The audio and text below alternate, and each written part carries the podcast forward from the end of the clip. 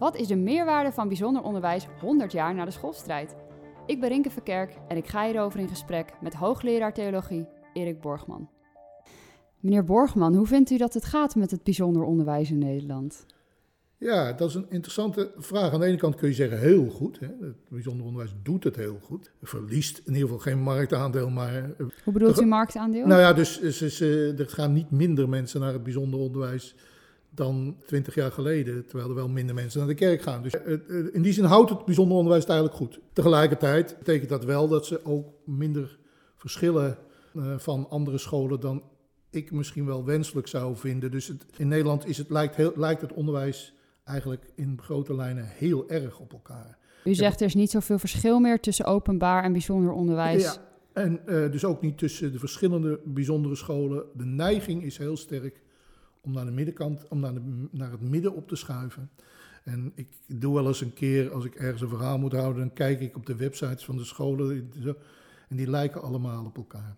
En, eh, Wat vindt u dan eh, zo overeenkomen op al de websites van bijzondere scholen in Nederland? Nou ja, alle scholen, ook openbare scholen, ze zeggen allemaal hetzelfde. Bij ons staat het kind centraal bijvoorbeeld, is zo'n mantra. Iedereen zegt dat. En ehm, daarvan zeg ik altijd, ja, ik probeer mijn studenten altijd op te, eh, te leren dat je alleen maar dingen moet opschrijven waar het tegendeel ook van denkbaar is. Dus wij, wij gaan hier voor kwaliteit, is een zinloze mededeling, want je kunt niet opschrijven, wij gooien er met de pet naar. Dus dat zijn lege dingen. Nou, al die scholen schrijven ongeveer dezelfde dingen op. En dat heeft ermee te maken dat doordat wij, hè, vroeger waren de bijzondere scholen natuurlijk in zekere zin onderdeel van een zuil. En katholieken gingen naar katholieke scholen, protestanten gingen naar protestants-christelijke scholen. Dus die scholen hoefden ook niet te werven. Die wisten ongeveer, nou ja, er wonen zoveel katholieken in de wijk, min 10%, dat is ons aandeel. Dat is nu heel anders. Dus ze, ze gaan zich als marktpartij gedragen, ja. En Wat bedoelt u met ze gaan zich als marktpartij gedragen? Hoe ziet dat er dan uit? Nou ja, dat je mensen moet werven. Je moet je leerlingen werven. Je gaat scoren op waarvan je denkt dat je klanten wil dat je, willen dat je scoren, het scoort. En dat is een raar soort combinatie, zeker als je naar het primair onderwijs kijkt. Is dat een rare, raar soort combinatie. Voor aan de ene kant willen ouders heel erg dat hun kinderen het goed hebben op school. Hè, dus een thuisgevoel. Ja. En aan de andere kant willen ze natuurlijk dat ze een goede start maken voor een goede carrière. En die twee, eh, dat, daar, daar zie je natuurlijk voortdurend het onderwijs mee worstelen. Dus die willen dan dat er op de website aan de ene kant staat, bij ons leer je Engels, zal ik maar zeggen. En we hebben deze score voor het wegzetten naar, eh, naar, naar, het, naar het, eh, het voortgezet onderwijs. En zoveel gaan naar het gymnasium, zoveel gaan naar het VWO, zo gaan, enzovoorts. Dat soort dingen. En aan de andere kant willen ze natuurlijk heel erg sterk laten zien dat het ook leuk en veilig en, en, enzovoorts is. Nou ja, dat is een soort spagaat. Dus daar zit, dus het bijzonder onderwijs doet het heel goed, maar ze doet het heel goed door, door zich goed op de markt te begeven. Daardoor lijken ze zowel op elkaar als ook op, de, op het openbaar eh, onderwijs. En in die zin zou je dan kunnen zeggen, gaat het weer niet zo goed, want daarmee is het bijzonder onderwijs misschien niet minder bijzo- bijzonder dan ze zou, dan ze zou kunnen zijn. En ja, ik vind dat jammer, omdat de vrijheid van onderwijs er toch ook voor is dat er verschillende vormen van onderwijs Ja, worden aangebied. precies. Want dat was eigenlijk mijn vraag. Ik hoor u het helemaal niet zozeer hebben over religie. Dus, en, en, ik, en ik las wat dingen van u over de oorsprong van artikel 23. En u zegt eigenlijk dat heeft helemaal niks met religie te maken, maar met andere dingen. En kunt u daar wat meer over vertellen? Ja, het heeft wel iets met religie te maken natuurlijk. Dus een van de vragen waar men in het begin van de 20e eeuw, eigenlijk al vanaf het eind van de 19e eeuw, mee zat, was hoe krijgen wij dat diverse Nederland op de een of andere manier, op een goede manier bij elkaar. Hè? Dus, maar hoe eh, divers was Nederland Nou toen? ja, eh, tamelijk divers. Religieus natuurlijk heel sterk verdeeld. En dat kunnen we ons tegenwoordig nauwelijks meer voorstellen. Maar er was nog in de jaren twintig van de vorige eeuw...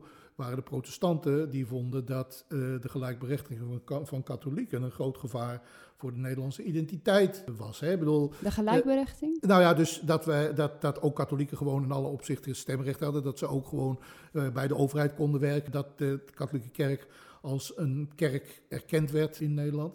Ik bedoel, daar was echt protest tegen. Want ja, eh, en veel van de verwijten leken sterk op wat wij nu tegen moslims wel zeggen. Hè? Dus eh, ze zijn niet echt van Nederland. Want ja, die katholieken die gaan luisteren dan? eerder naar Rome dan, dan Oh dan ja. naar de koningin, zou ik dan maar even zeggen. Je kunt ze nooit helemaal begrijpen. Het was natuurlijk veel Latijn in de katholieke kerk. Het is ook een beetje een geheime organisatie, want je hè, bedoel, hoe zit het daar precies met die religieuze en, enzovoorts.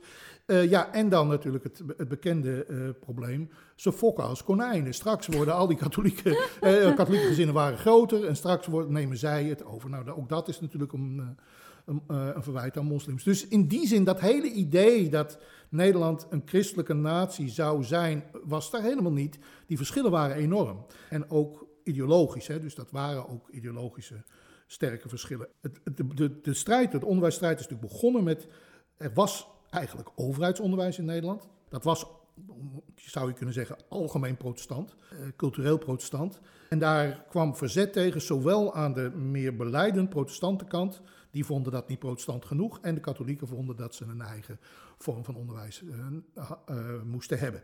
Het ging dus wel over, over macht en ook wel, dat was wel aan religie gebonden, maar het waren eerder groepen die met elkaar, hè, uh, wie heeft er eigenlijk zeggenschap, wie hoort er echt bij Nederland, hoe zorgen we nou voor dat onze kinderen leren wat wij vinden dat belangrijk, belangrijk is.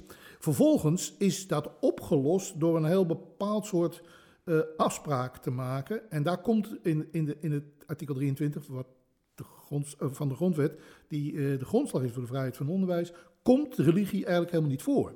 Daar is, staat gewoon simpelweg het geven van onderwijs is vrij. Dus je mag, het is in zekere zin tot een markt gemaakt, je mag als school onderwijs aanbieden onder bepaalde voorwaarden uiteraard. En dat kan op, op grondslag. Dus dat kan, daar kan een visie onder, onder zitten. En de overheid gaat alleen maar over, is het goed genoeg? Maar niet over hoe doe je het dan, uh, dan precies.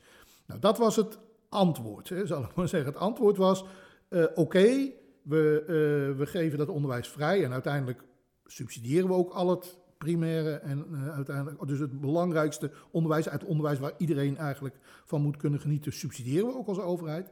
Daar hebben we visie op wat kwaliteit is, maar niet over wat goed is in de zin van wat mensen eigenlijk moeten kunnen om goede burgers van deze samenleving te zijn. Nou, dat is natuurlijk langzamerhand enorm opgeschoven. Zowel van binnenuit, wat ik net zei, hè, dus de scholen zijn geneigd om zich aan een heel bepaald beeld van wat mensen moeten zijn aan te passen, omdat ze denken dat ouders dat willen. Dat heeft die met die markt te maken. Maar aan de andere kant is de overheid zich ook veel meer gaan bemoeien met dingen die traditioneel niet geacht werden ja, de dingen te zijn waar de overheid zich mee moest bemoeien. Dus over, ja. over methoden bijvoorbeeld, of over de inhoud van onderwijs. En dan met name natuurlijk over de dingen waar we ons nu druk over maken, burgerschapsonderwijs. Eigenlijk zegt u van, destijds, toen uh, artikel 23 van de grondwet eh, er kwam, zei de overheid van... Uh, mensen zijn goede burgers op het moment dat ze vanuit hun eigen overtuiging, hun eigen mening ja. en hun eigen waarden een plek innemen in het geheel. En zegt u nu van dat de overheid dat nu anders doet en ja. anders ziet? Dat dat verschuift? Ja, op een op typische Nederlandse manier doen wij dit anders zonder te zeggen dat we dat anders doen. Dus, Ik snap dat niet. Wat bedoelt u? Uh, we, we, we, hebben natuurlijk het hele systeem van het bijzonder onderwijs is nog helemaal intact. Maar, het, maar juist precies dit aspect is helemaal veranderd. Het beste voorbeeld waar je het, het allerduidelijkst aan kan zien is het, is het omroepbestel. Daar kun je het meteen aan zien. TV. Vroeger waren, ja, tv en radio. Vroeger waren de omroepen waren uitdrukkingen van een visie van een deel van de burgers die wilden dat ze ook een stem hadden in de openbare ruimte.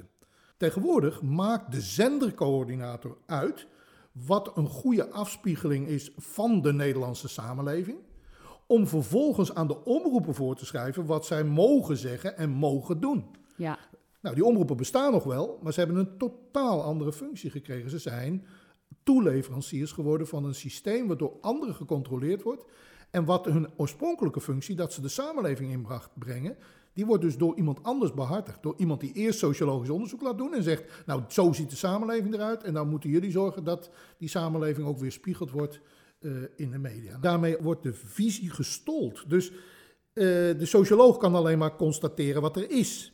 Die meet wat, wat er is in de samenleving. De levensbeschouwelijke stromingen, die willen, die willen iets. Dus dat is een dynamiek. Die zeggen, ja, wij vinden dit belangrijk. Of als, het ons, als de samenleving beter moet worden, dan moeten we deze kant uit. Of moet dit uitgebouwd worden. Dus je krijgt daarmee ook een soort ja, statisch systeem waarin we voortdurend met elkaar rondpompen van de Nederlandse identiteit is dit. En vervolgens wordt dan iemand die daarvan afwijkt van gezegd, ja, Maar dat is niet echt, hè? dat mag niet, dat is niet Nederlands. En dat is, dat is dus in het, in het hele integratiedebat een heel lastig probleem geworden. Want mijn stelling is, er is pas echte integratie als degene die moeten integreren ook iets mogen zeggen waarvan wij denken, hoe kom je daar nou bij? Dan is het, heb je echte stem. Want ik, er is niemand die tegen mij zegt, als ik bepaalde dingen vind, dan hoor je niet bij Nederland. Dat laat zien dat ik een echte Nederlander ben. Dus het feit dat iemand anders voortdurend gemeten wordt aan zijn, uh, aan zijn opvattingen, laat dus zien dat die, uh, dat die identiteit niet meer dynamisch wordt gemaakt, maar steeds maar statisch ja. uh, wordt gemaakt. Ik denk dat dat een samenleving op slot zet. U zegt van de overheid wil eigenlijk steeds meer zeggenschap over de invulling van het onderwijs en zij doen dat vanuit de visie goed burgerschap. En het deed mij denken aan het boek Het Pauperparadijs, waarin paupers in Amsterdam-Noord in keurige huisjes werden gestopt en iemand kwam elke week kijken of de lakens netjes in de linnenkast lagen. U zegt eigenlijk van, ja, ik bedoel, als je dat leest denk je, wat een achterlijk truttig gedoe, toch? Ja.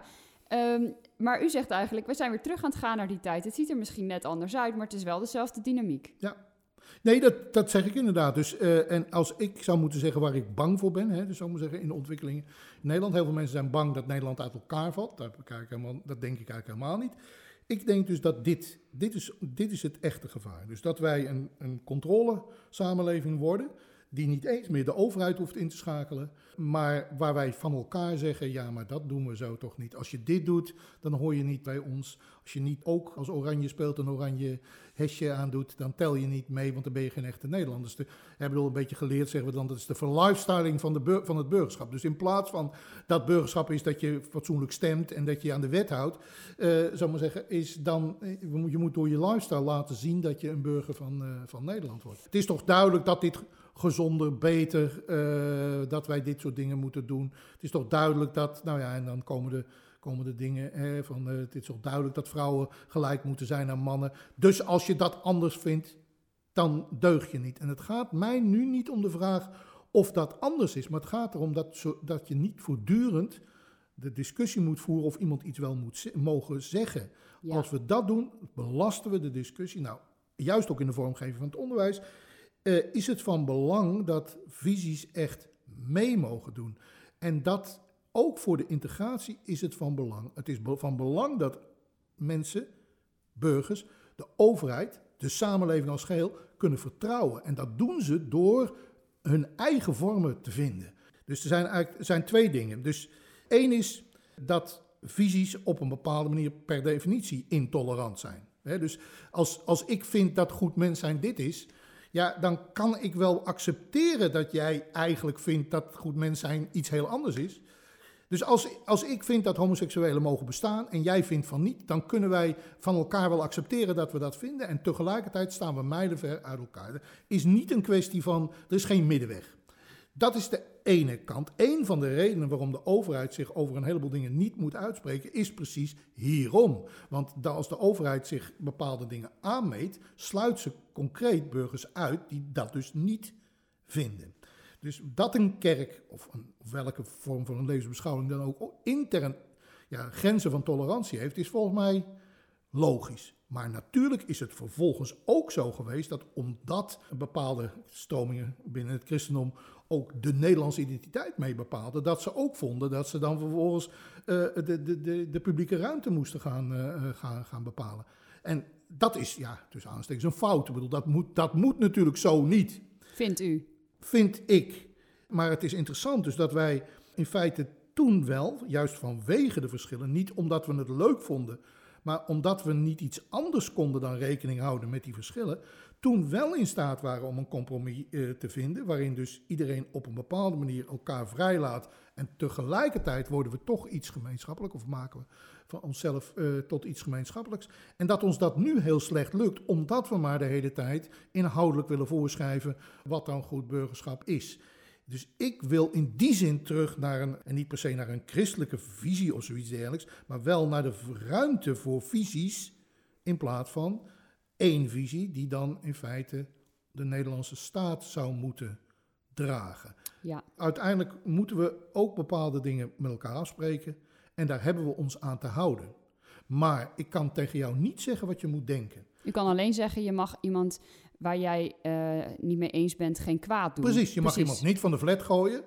Maar dat je het eigenlijk diep in je hart vindt dat het beter zou zijn als zo iemand niet zou bestaan, daar kun je geen regeling op maken. Ja. Nou, heel veel angst voor diversiteit komt wat mij betreft voort uit een gebrek aan vertrouwen over wat we gemeenschappelijk kunnen verhapstukken. En dit raakt ook aan wat u zegt over, eh, eh, eh, je moet niet als bijzondere school op je site maar alles zetten wat iedereen wil horen. Zeg gewoon waar je echt voor staat. Ja, ja. En u zegt nu eigenlijk van, maar dat durven mensen misschien wel niet, omdat ze er niet zoveel vertrouwen in hebben. En ik was ook wel benieuwd van, hoe ziet het er naar uw mening concreet uit als bijzondere scholen weer bijzondere scholen durven te zijn? Nou, Want ik hoor u van- zeggen, u vindt dat ze dat niet durven. Dat ze Ja, dus zeker. Ja. Ja, nee, dat, dus eh, voor een deel niet. Hè, dus voor, voor, en voor een deel eh, zijn ze het misschien ook wel ja, verleerd om daar, eh zou ik maar zeggen, publieke taal aan te geven. Dus eh, voor een deel gaat het ook weer om echt terugnemen. Hè. We moeten er opnieuw taal voor ontwikkelen. Een van de dingen die volgens mij echt van fundamenteel belang zijn, heeft iets te maken met inderdaad letterlijk waar het onderwijs voor is. De overheid stuurt het onderwijs nu heel sterk aan als investering in het toekomstige verdienvermogen van Nederland. En ik was, eh, ja, ik ben misschien een beetje naïef, maar toen ik dat voor het eerst formeel in een overheidsrapport zag staan, toen viel ik echt van mijn stoel. Zo van, Wat stond er dan? Wat Nou stond ja, er? eh, dus wij, wij zijn ervoor om het verdienvermogen van Nederland in stand te houden. Dus u zegt, ze zeggen eigenlijk die kleine kindertjes van vier die met een tasje op hun rug het Ja. schoolplein opkomen en een broodtrommeltje en een bekertje. Daar moeten we eigenlijk zo'n pad voor uitstippelen dat we er meer, dat we zoveel mogelijk aan gaan verdienen als ze 20 jaar ouder zijn. dat we gezamenlijk, niet we eraan, maar we gezamenlijk zoveel mogelijk een rijke economie blijven. Dus ze moeten geld opleveren. Ja, geld, of in ieder geval nou ja, vermogen. Hè? Dus eh, eh, dat hoeft niet per se geld te zijn, maar dat kan, eh, het kan ook veiligheid zijn. Of het kan ook, want dat hoort ook bij het verdienvermogen van Nederland, dat je, dat je een veilige samenleving bent. Of dat we niet met elkaar voortdurend ruzie maken, want als wij voortdurend met elkaar ruzie maken, werken we niet. Dus laten we die ruzie nou maar zo klein mogelijk houden. Laten we, eh, laten we eh, zorgen dat het vrede is, zou ik maar zeggen. Dan kunnen we weer gezamenlijk aan het werk. Dus dat, dat, Dus dan moeten ze bij de defensie, bedoel je? ja, of bij, bij, bij de politie, of bij... eh, Want ze bedoelen er niet mee, we willen dat het zulke mensen worden dat ze zelf niet iemand op straat in elkaar gaan slaan. dat lijkt me namelijk wel een mooi doel. Maar ook dat, zeker, maar ook dat, kijk, voor mij maakt het heel erg uit waarvoor het een doel is. Dus wij praten tegenwoordig heel veel over wat we dan sociale cohesie noemen. En sociale cohesie wordt door heel veel mensen gelijkgesteld aan zoiets als ja, dat je niet voortdurend elkaar op je bek slaat, zou ik maar zeggen, al is het maar met woorden. Nou, daar is natuurlijk op zich niks tegen. Hè? Dus dat we het een beetje fatsoenlijk hebben met elkaar. Maar sociale cohesie is een functioneel begrip. Sociale cohesie betekent dat we geen ruzie maken, want dan kunnen we tenminste, dan kunnen we gezamenlijk, eh, en dat is beter voor onze samenleving alsof het een productie-eenheid is. Terwijl Efficiënt. ja, efficiënt en, en ja, het gevoel, prettig gevoel, nou ja, de veiligheid, dat soort dingen. Terwijl, ja, van sommige dingen moeten we misschien wel ruzie maken. Want ja, die, dat gaat over echte dingen niet. We kunnen, we kunnen, het is niet altijd slecht om te zeggen Black Lives Matter als je het idee hebt eh, dat Black Lives niet matteren, zal ik maar eventjes. Dus dan kun je niet zeggen, ja, maar dan, dan moeten we aan de sociale cohesie werken. Dan moeten we toch gewoon tegen het racisme zijn. Nou, dus ik ben zelf een groot voorstander voor kennis in het onderwijs. Hè. Dus ik vind zelf het hele idee dat, dat, eh, eh, dat wat een tijdje lang, nu is dat weer een beetje terug, maar was een tijdje lang van ja, het gaat niet om kennis, het gaat om vaardigheden, het gaat om... Nee, mensen moeten ook gewoon iets weten. Waarom? Omdat het goed is om iets te weten. Niet omdat vervolgens dat ergens, ergens anders weer goed voor is. Maar het is beter om slim te zijn en kennis te hebben... dan om niet slim te zijn en voortdurend eh, niet te weten eh, waar, waar je het zoeken moet, zou ik Maar je zeggen. Omdat je iedere keer informatie tegenkomt die je niet kunt, eh, kunt plaatsen. Maar u zegt ook dat de CITO-score dan weer niet belangrijk is. Nee, want de CITO-score is, zal maar zeggen, is een functioneel instrument om te kijken of iemand vervolgens naar een fatsoenlijk vervolgonderwijs gaat. Dus wij hebben het systeem gesloten gemaakt in zichzelf, in zichzelf functioneel. Hè, dus zijn kinderen. Ooit heb ik mijn eigen, mijn eigen dochter, eh, zat toen in de derde klas van de middelbare school. En toen moesten ze ineens gaan nadenken over, en dat noemden ze toen, ja, het is een beetje mijn vijandwoord, passie. Ze moesten hun eigen passie gaan ontdekken. Maar het bleek er gewoon om te gaan dat zij uiteindelijk iets moesten zeggen voor welk beroep ze uiteindelijk gingen. Ja, dan vind ik het, dat is gemene verkoop. Dus dan zou ik maar zeggen, dan, dan mag je dus niet zeggen, ik vind zelf Latijn het leukste wat er is en ik zou het liefst de hele dag Latijnse boeken lezen, zou ik dan maar zeggen. Nee, je moet, want je moet dat functionaliseren, want je moet uiteindelijk naar, je, naar, naar een toekomst toe die je voor een beroep opleidt. Ja, nou dan gaat er dus iets mis in het, uh, in het onderwijs. Je ziet het in die discussie over het onderwijs voortdurend. Hoe ging dat gesprek met uw dochter? Want zij vertelt, dit moet ik van uh, mijn ja. school, papa. En ja. uh, wat heb je toen gezegd? Nou, deze, deze papa heeft twee dingen gedaan. Aan de ene kant tegen haar gezegd, maak je daar niet al te druk over. Wij wisten ook om 15 niet wat we gingen doen. Sterker nog, we wisten het op 25 nog niet. En we zijn toch redelijk goed terechtgekomen, zou ik maar zeggen. Dus dat is het ene. Dus dat voortdurende jagen van kinderen om, om, meteen, om te weten waar je stip op de horizon en zo. Dat is sowieso een probleem. Dus dat heb ik proberen te, te temperen. En ik heb, er, uh, ik heb er over geschreven, dat kan ik natuurlijk doen. Dus ik heb, er, ik heb er een artikel over geschreven over deze tendens in het onderwijs om op deze manier ook passie te functionaliseren. In plaats van. Want natuurlijk is het goed om te weten dat kind, eh, het is fantastisch als kinderen met passie naar school gaan. Maar om dat dan vervolgens weer te maken tot een nieuw instrument, waardoor ze uitkomen waar jij denkt dat ze zouden moeten uitkomen, ja, daarmee, dat is, dat is een vorm van uitbuiting. Uh, Beetje reactie op gehad op je artikel? Ja, ja, oh ja, zeker. Ja, nee, goed. Dan krijg je natuurlijk altijd de reactie, ach, dat valt toch wel mee. Ja, dat is ook maar een manier van doen. Ja, dat geloof ik dus. Dat geloofde ik toen al niet, maar dat geloof ik inmiddels al helemaal niet. Het is uh, inmiddels meer dan tien jaar geleden. Um, Want? Dus, het systeem is alleen maar uh, gesloten sterker geworden, geworden. Ja, dus dit, dit, deze tendens enorm groot geworden natuurlijk. We moeten voortdurend presteren en we moeten ook op alle niveaus presteren. En hoe kan het bijzonder onderwijs hier nou zijn plek in Nou, scholen kunnen volgens mij een aantal dingen doen. Ze kunnen aan de ene kant één niet met deze gekte meegaan. Dat zou al verschrikkelijk helpen. Hoe ziet dat eruit, er niet te meegaan? Nou ja, dus niet voortdurend kinderen te, te brengen naar uh, waar je denkt dat ze uiteindelijk zouden moeten zijn. Niet te functioneel naar kinderen kijken. Twee, dat, ze, uh, dat je ervan uitgaat dat kinderen iets inbrengen.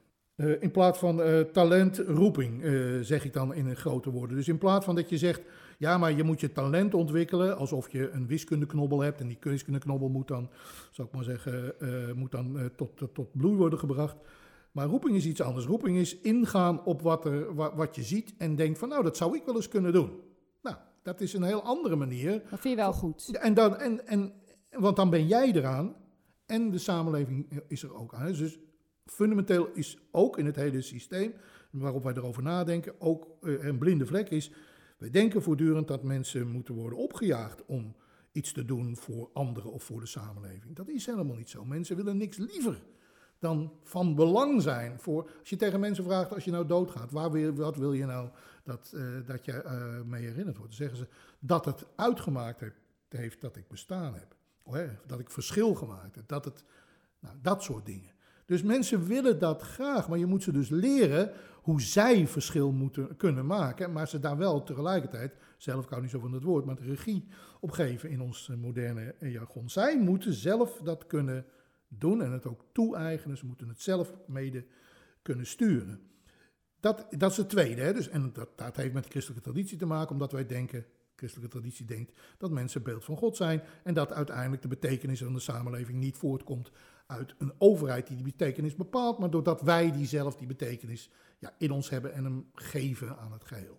Dus en dat gelooft u zelf ook? Dat, ja, dat geloof ik buitengewoon sterk in. Door als er betekenis is in de samenleving, komt dat omdat mensen zich op die betekenis inlaten. Ze zeggen, dit is voor mij zo van belang, dit ga ik, dit ga ik doen. Dit, uh, of het nou betaalt of niet. Ik bedoel, we, zijn, we komen vooruit omdat mensen zeggen, ik vind dit zo belangrijk, het is, kost extra moeite, het, het heeft extra risico, maar ik ga het toch doen.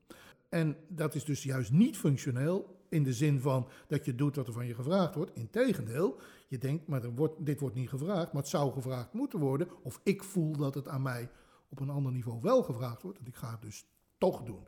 Dus wij moeten op een bepaalde manier weer eigenwijzere mensen opleiden. Die tegelijkertijd ook begrijpen dat ze niet het enige op de wereld zijn. Dat is het derde punt. Ooit heb ik een schoolleider, na, nadat ik een lezing gehouden heb, had, uh, is daar een keer naar me toegekomen. En, die, uh, en dat ging dus ook over, nou ja, over wat voor soort kinderen we eigenlijk willen. En die zei, kijk, ja, ik durf het niet op mijn website te zetten. Maar als die kinderen, als de ouders naar mij toe komen en ze hebben het over prestatie, prestatie, prestatie en het kind centraal, ja, dan zeg ik, Ja, eigenlijk, eigenlijk, mevrouw, meneer, wil ik toch dat uh, dat prinsje of prinsesje van u, dat dat af en toe ook een beetje lakij wordt. Dus in plaats van dat je de hele tijd maar centraal staat, moet er soms iemand anders centraal staan. En ook dat moet je leren. Dat het niet altijd om jou gaat. Nou, dat is, zal maar zeggen, een derde punt. Waar het dus niet gaat over van, ja, ik mag dat niet of zoiets dergelijks, maar dat het soms goed is om te zien dat jij niet het centrum van de wereld bent. Traditioneel noemden we dat volwassenheid. Hè? Dus dat het niet de hele tijd gaat over jou, maar dat je snapt dat de rest van de wereld er ook toe doet en dat je een plaats hebt in dat geheel en in de rest van de wereld. Nou, dat zou buitengewoon goed zijn als we dat in het onderwijs meer naar voren halen, maar dus wel als bijzonder onderwijs. Dat kan alleen maar als je dat kunt zeggen op jouw grondslag. Als iemand anders kan zeggen, ik ben het er niet mee eens, dus ik ga iets anders doen. In zijn eigen bijzondere school. In zijn eigen bijzondere school. Dan kan je geloofwaardig aan één ja, profiel werken, zal ik maar zeggen. Als je dat niet doet, dan kan dat helemaal niet. Dan is het, dan is het terecht dat je zegt, ja nee, dan moeten we toch een soort middle of the road-achtige uh, dingen uitkomen. Maar omdat we in Nederland aan de ene kant het bijzonder onderwijs nog wel hebben, formeel. En tegelijkertijd de, de, de slagkracht daarvan is afgenomen, sterk is afgenomen, krijgen we dus een soort midden, uh, midden die dat helemaal niet zo handig is. Dus in, een, in systemen, bijvoorbeeld in Frankrijk, uh, waar, uh, waar mijn dochter woont, daar is het onderwijs op een bepaalde manier veel uniformer. Hè? Dus alle scholen hebben ongeveer dezelfde methode. Dus en wat krijg je dan? Dat leraren denken, ja, ik ga me natuurlijk niet aan die methode houden, want ik wil mezelf onderscheiden. Bij ons is het zo dat omdat wij vrij zijn, ook in het kiezen van de methode, de leraar in feite de slaaf wordt van de methode, want die heeft hij zelf gekozen. Uh, mensen gaan zich dus niet meer zelf onderscheiden. Onderwijzers denken niet, leraren denken niet, ja, maar ik wil juist laten zien dat ik zelf een leraar ben. Nee, die gaan dus zichzelf op een andere manier functioneel maken, in dit geval ten opzichte van de methode. Ja, dat is denk ik, denk ik. Dat is weer een systeem en daar een, een systeem en dat is een probleem, want onderwijs heeft iets buitengewoon persoonlijks. Ik bedoel, uiteindelijk, en ik denk dat we dat allemaal weten, als je terugdenkt naar je eigen onderwijscarrière, waar, wat heeft je vooruit geholpen? Dat is die ene leerkracht die ene persoon die op een gegeven moment iets zei of iets deed waarvan jij dacht, hé, hé nou snap ik het wel, of nu voel ik me wel gezien, of nu ineens uh, ben, ik, ben ik wel iemand. De, de goede uh, onderwijzer die kon vroeger op de, op de lagere school waar ik op zat. Er had altijd een paar van die kinderen ja, waar geen land mee te bezeilen was, zal ik maar zeggen. En voor je het weet krijg je daar een soort negatieve sfeer omheen. hij is altijd dit of hij is... En de goede konden dan zo'n persoon een rol geven, waardoor die kon glanzen. En wij eigenlijk er een beetje jaloers op werden. Zo van, hij mag wel uh, zomaar midden in de, uh, in de schooltijd, mag hij de, overal de vuilnisbakken gaan ophalen. Dat, dat, dat ze dat deden omdat dat kind niet stil kon zitten, dat vergat je natuurlijk gewoon. Hè? Ineens was het een privilege geworden. Nou, dat is een soort, dat is een soort persoonlijke manier van kijken naar het onderwijs, kijken naar je leerlingen, kijken naar wat er eigenlijk in het onderwijs gebeurt. Ik denk dat het onderwijs daarvan leeft. Het onderwijs leeft ervan doordat leerkrachten, omdat ze daar met een bepaald soort professionaliteit naar kijken, zien wat kinderen nodig hebben en wat ze helpt. Ja. En niet omdat ze gevangen zijn in welke methode dan ook. Dus zeg, vindt u nou dat het bijzonder onderwijs eigenlijk maar een van de symptomen is van een tendens in de samenleving naar sociale cohesie? Of zou het bijzonder onderwijs zelfs aan de grondslag kunnen liggen van uh, die uh, individualiteit waar u ook wel graag ruimte voor zou blijven zien?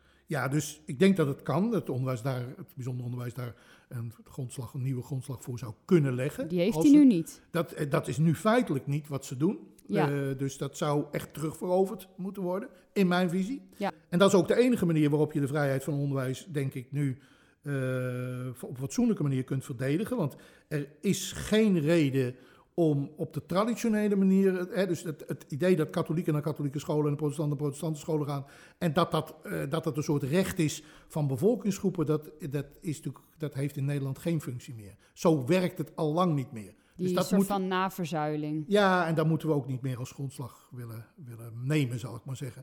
Uh, dus de echte grondslag gaat over nou ja, visie op onderwijs en de manier waarop we dan vanuit dat onderwijs weer terugkijken naar de samenleving. Dus hoe willen we als onderwijs ja, dienstbaar zijn aan een samenleving. En wat voor samenleving is dat eigenlijk? Dat is, Wat toch functioneel zou zijn, want dan ga je toch weer denken van wij willen iets voor de, onze visie voor de samenleving. nee, dat is geen functionele. Maar het punt is dat dat geen functionele visie is. Dus het, het, hè, dus het verschil tussen een functionele en een niet-functionele visie is dat de functionele visie die maakt de stenen van het gebouw wat jij ontworpen hebt. Hè, dus ik waar mijn kinderen opvoeden of het onderwijs geven voor het gebouw wat ik denk dat onze samenleving in 2032 of wanneer dan ook precies eh, moet zijn. Dat is een functionele visie. Maar mijn visie is, en dat komt op een bepaalde manier uit, eh, eh, uit de katholieke traditie. Mijn visie is, iedereen moet zowel een steen zijn als ook een architect van het gebouw. Bedenken tot wat voor gebouw die steen gaat bijdragen. En dat is goed dat mensen dat ook zelf daar een visie op hebben en, ze, en handelen op grond van die visie. Dus meer diversiteit in plaats van minder. Meer ook op een bepaalde manier soms spanningen over hoe het nou verder moet. Maar natuurlijk dan ook vermogen om met die spanning om te gaan. Omdat wij meer en niet minder visie nodig hebben. Dus de fundamentele fout, vind ik, die wij op dit moment maken, is dat wij denken dat de samenleving zoals die feitelijk functioneert, zo, zo goed mogelijk moet worden voortgezet. Maar wij komen nu al, zou ik zeggen, visietekort. En zeker voor de toekomst hebben we mensen nodig die iets zien of begrijpen wat nog niemand begrijpt. En dat is iets, echt iets anders dan iemand brengen naar, eh, nou ja, naar slaafse trouw aan wat er naar, wat er naar wat de sociale onderzoeker heeft waargenomen, Precies. wat het nu is. Precies. Eh, Dus ik vind zelf, er is een fundamenteel probleem over hoe wij nadenken over burgerschapsonderwijs. Want het is veel te veel, hè, dus dat we een soort ideaalburgers van iedereen willen maken. En niet respecteren dat mensen zelf iets moeten doen en ook iets uit zichzelf. Wij hebben iets nodig van mensen. Niet dat ze zich op een fatsoenlijke manier gedaan. Wij hebben ook inzet van ze nodig en ideeën. Daarom is het van belang dat een organisatie als Verus hiervoor gaat staan. Want dat is, dat is dan, dan maak je het collectief. Hè? Dan, maak je het, dan zeg je wij, wij vinden dit eh, van belang. Eh, en ja, uiteindelijk is, is dat dus een van de rare kanten, vind ik, van het bijzonder onderwijs. Het bijzonder onderwijs denkt altijd dat ze geen macht heeft. Maar ze zijn twee derde van het Nederlands onderwijs. Dus als alle bijzondere scholen gezamenlijk zouden zeggen. Nou, meneer of mevrouw de minister, dat kunt u nu wel verzinnen, maar dat gaan wij toch echt niet doen, want wij vinden dit geen goed idee.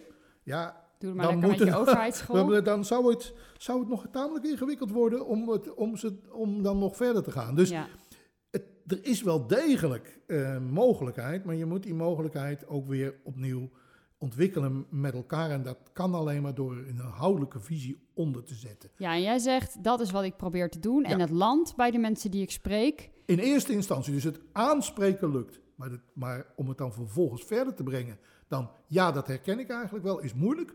Omdat ze de volgende dag zitten ze natuurlijk weer in een praktijk die van ze vraagt, ja, en eh, hoe zit het dan precies? Eh, eh, en de inspectie die zegt, moeten we nou rood, groen of oranje geven? Ik bedoel, het systeem maakt natuurlijk, en dat is altijd urgenter. In, jouw, in je werk is dat concrete, die, zijn die concrete vragen altijd urgenter. Dus je moet ruimte maken En voor dus ook iets waar je, niet, waar je niet weet wat er uitkomt. En dat is onder de, in de huidige cultuur, die buitengewoon functionalistisch is, ook op dat punt. Hè, we gaan alleen maar tijd investeren als we weten dat het iets op, oplost. Ja. Ook ingewikkeld. Wij moeten, en maar toch moet dat. Wij moeten aan visieontwikkeling doen. En dat kost tijd en dat kost moeite. En we weten niet wat eruit komt. Ja, een beter, een, zal maar zeggen, ik kan mijn boodschap niet beter, beter verkopen dan dat. Dat betekent dus ook dat we, eh, dat we niet zomaar weten wat, eh, of het ook zal werken. Ja, ik weet ook niet of dat werkt en waar we dan uitkomen, maar ja, dit is wat er nu op ons Ja. bord ligt. Laten we dat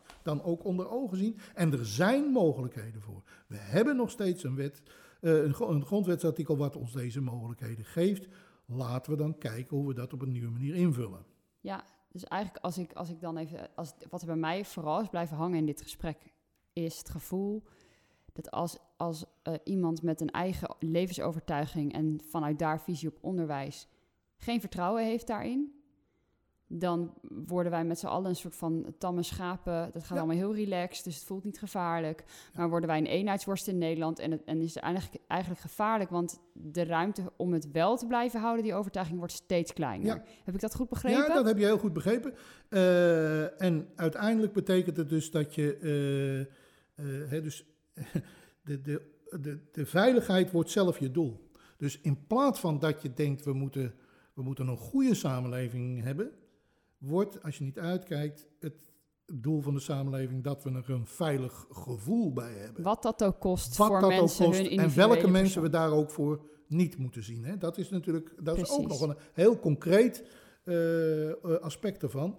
U zegt eigenlijk dat veiligheid de vijand is van vrijheid. Ja, ja. Dat zegt u. Ja, En en, dus wat, wij, is wat wij de afgelopen periode gedaan hebben als samenleving is in feite mensen tussen aanstekens kopen met de belofte van, van veiligheid. En nu schikken ze zich kapot.